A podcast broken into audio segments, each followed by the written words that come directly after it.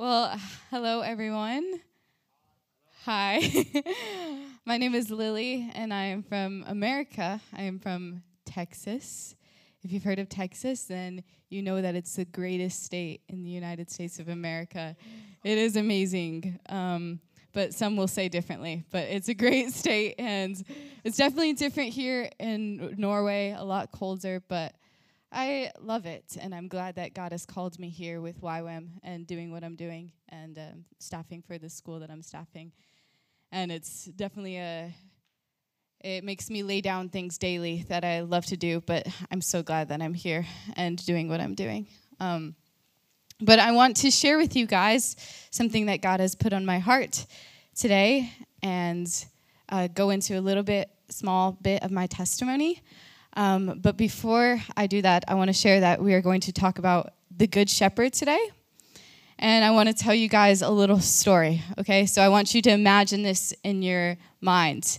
So there was this story I heard once about this man that decided that he was going to pack his bags and move to Ireland. And he decided that he wanted to move to Ireland because he wanted to follow a shepherd for a year. And so he came to Ireland and he followed this shepherd around for a year. And he just saw what the shepherd did, saw, saw how the shepherd took care of his sheep, and yeah, just learned how to be a shepherd. And one day the shepherd said to the man, Hey, we are going to go to this place called Lake Country. And this place has beautiful grass for the sheep, and it has a wonderful lake full of great water for the sheep, and the sheep just love it. We take a trip there every year, and it's so much fun. And so the man and the shepherd go with their thousand of sheep. They have a lot of sheep, so the shepherd definitely needs help taking care of the sheep. And they travel to this place, and they get to this place. And when they arrive in this place, the man realizes that he isn't the only shepherd there. In fact, there's a whole bunch of a dozen other shepherds there. And they all have their thousands of sheep. And now all the sheep are just eating together, playing together, all mixing together. And you don't know which one is your sheep because they're all just mixed together. And the shepherds are just hanging out, catching up, talking about how their day is, how life has been as a shepherd. And the man is kind of freaking out, wondering how they're going to get their sheep back to him. But the shepherds seem calm, they're just relaxing.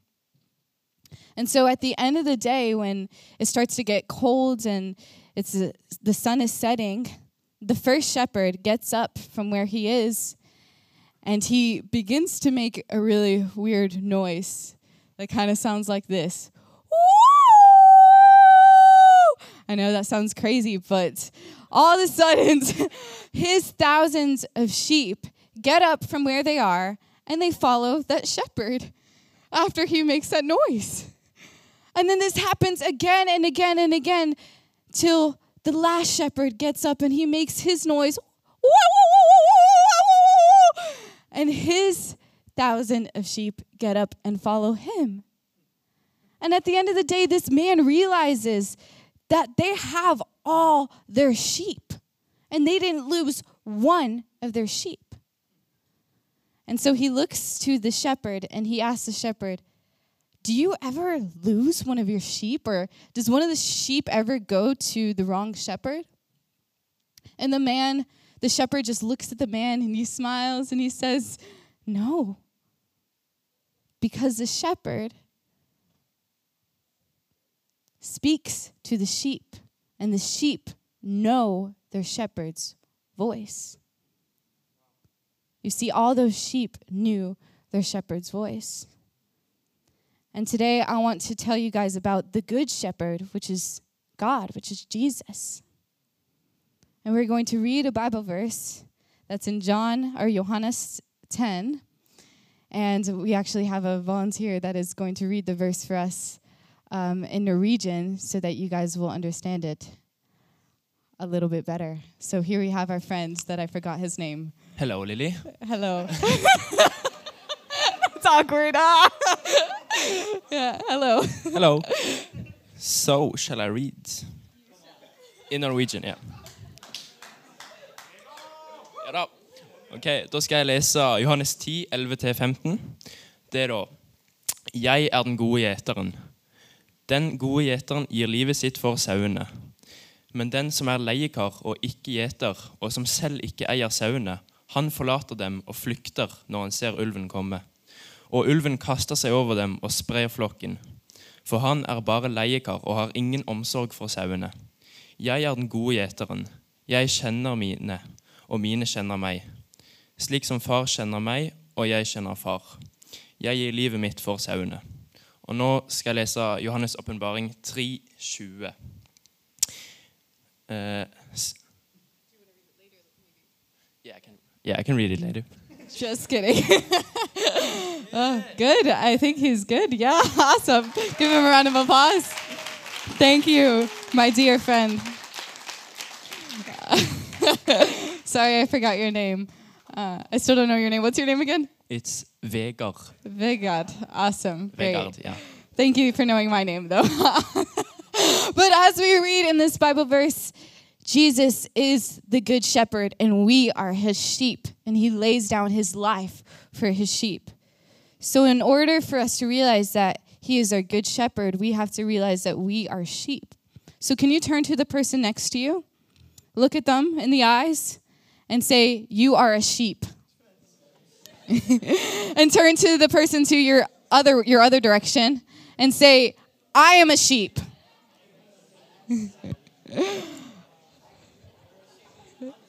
awesome.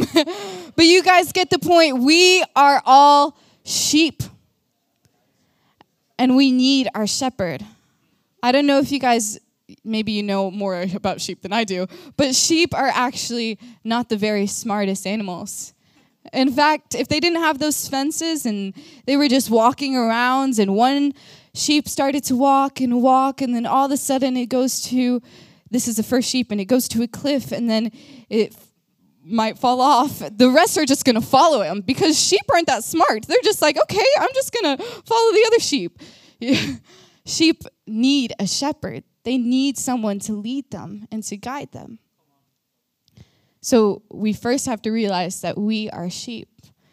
And then, just like I shared in that story, the sheep knew their shepherd. They knew the voice of their shepherd, and we should know the voice of God. Have you ever been with a friend and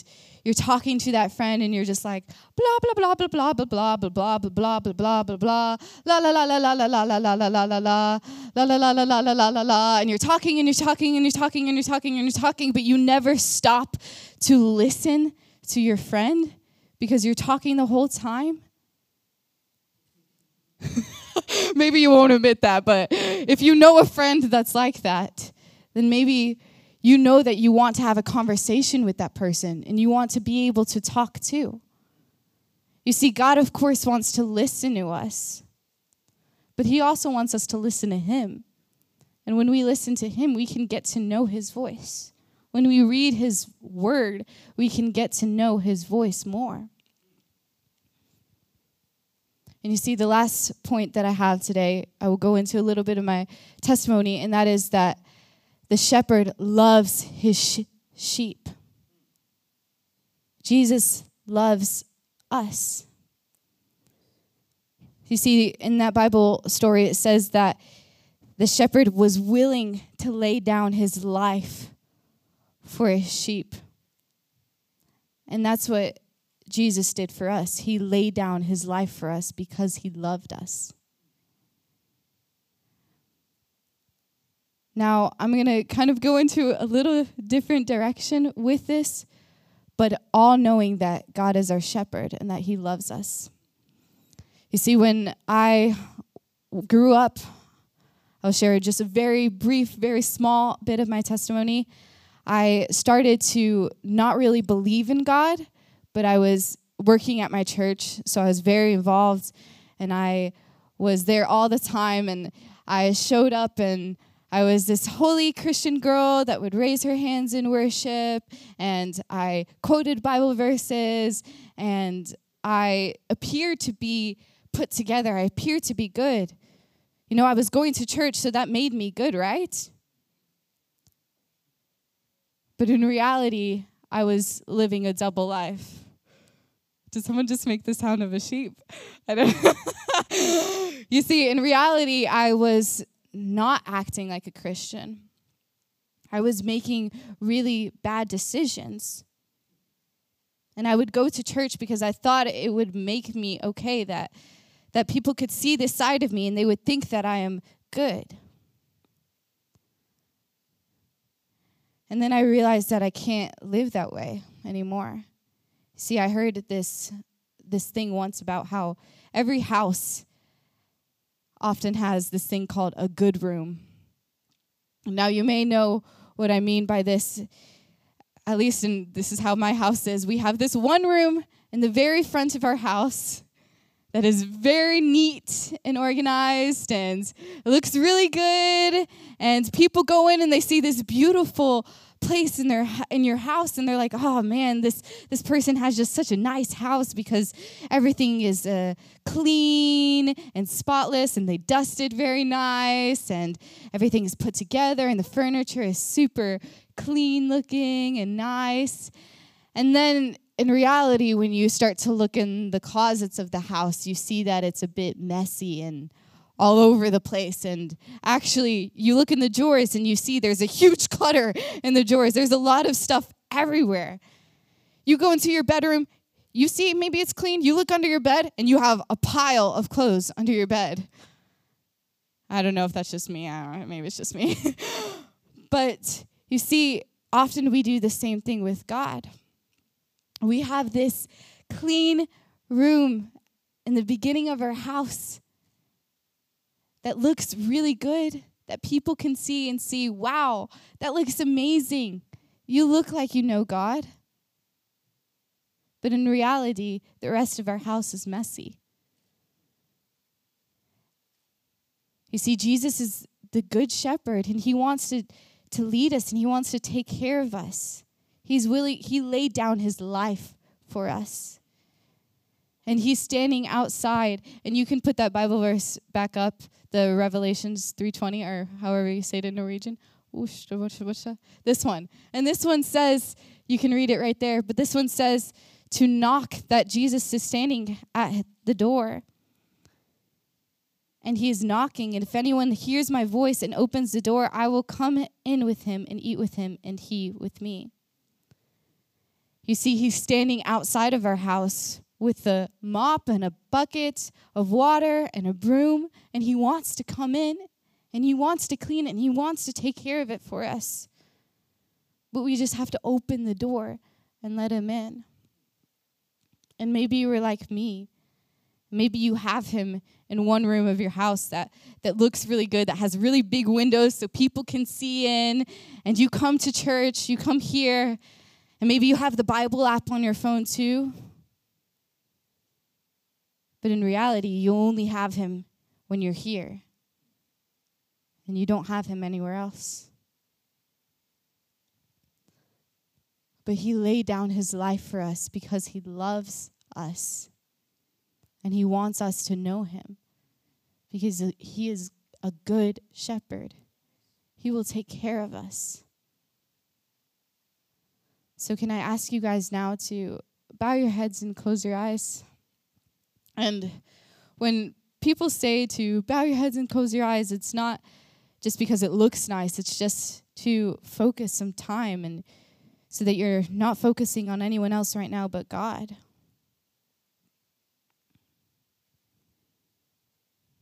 And I want you to think about yourself in this house. Think about your maybe not physical house, but spiritual house. Is God in one room of your house? And the rest of the rooms are really dirty because you don't want Him to see them. You don't want people to see them. See, God is knocking at the door and He wants you to open. He loves you and He laid down His life for you. We are his sheep, and we He is our shepherd, and we need him. We can't do life without our shepherd. And I can see areas of my life where I need to open up the door for God to come in because he wants to take care of those. And if that's you too and you you feel like yes, I, I want God to be in all my rooms. I don't want to just go to church and say that I'm Christian, but I want God to be in all my rooms with no one looking around. And it's just you and God now, and you want to say, I want God to be in all my rooms. I want God to be in all of my rooms. I want Him to come in. Would you just raise your hand in the air?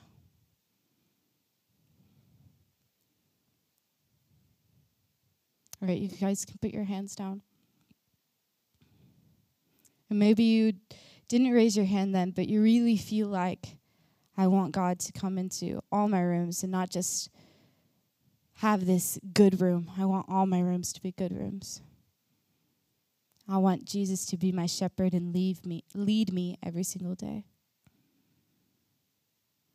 So I'm just going to ask you guys to repeat a prayer after me. I, it will be in English, but I will try to speak sp- simple. So, Jesus, oh, you can repeat after me starting now. Jesus, I pray. I thank you, Father. I thank you that we are sheep and that we need a shepherd. And I thank you that you are our shepherd and that you lay down your life for us.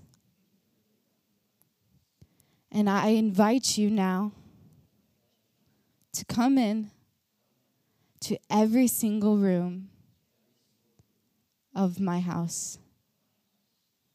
Jesus, I invite you. In your name I pray.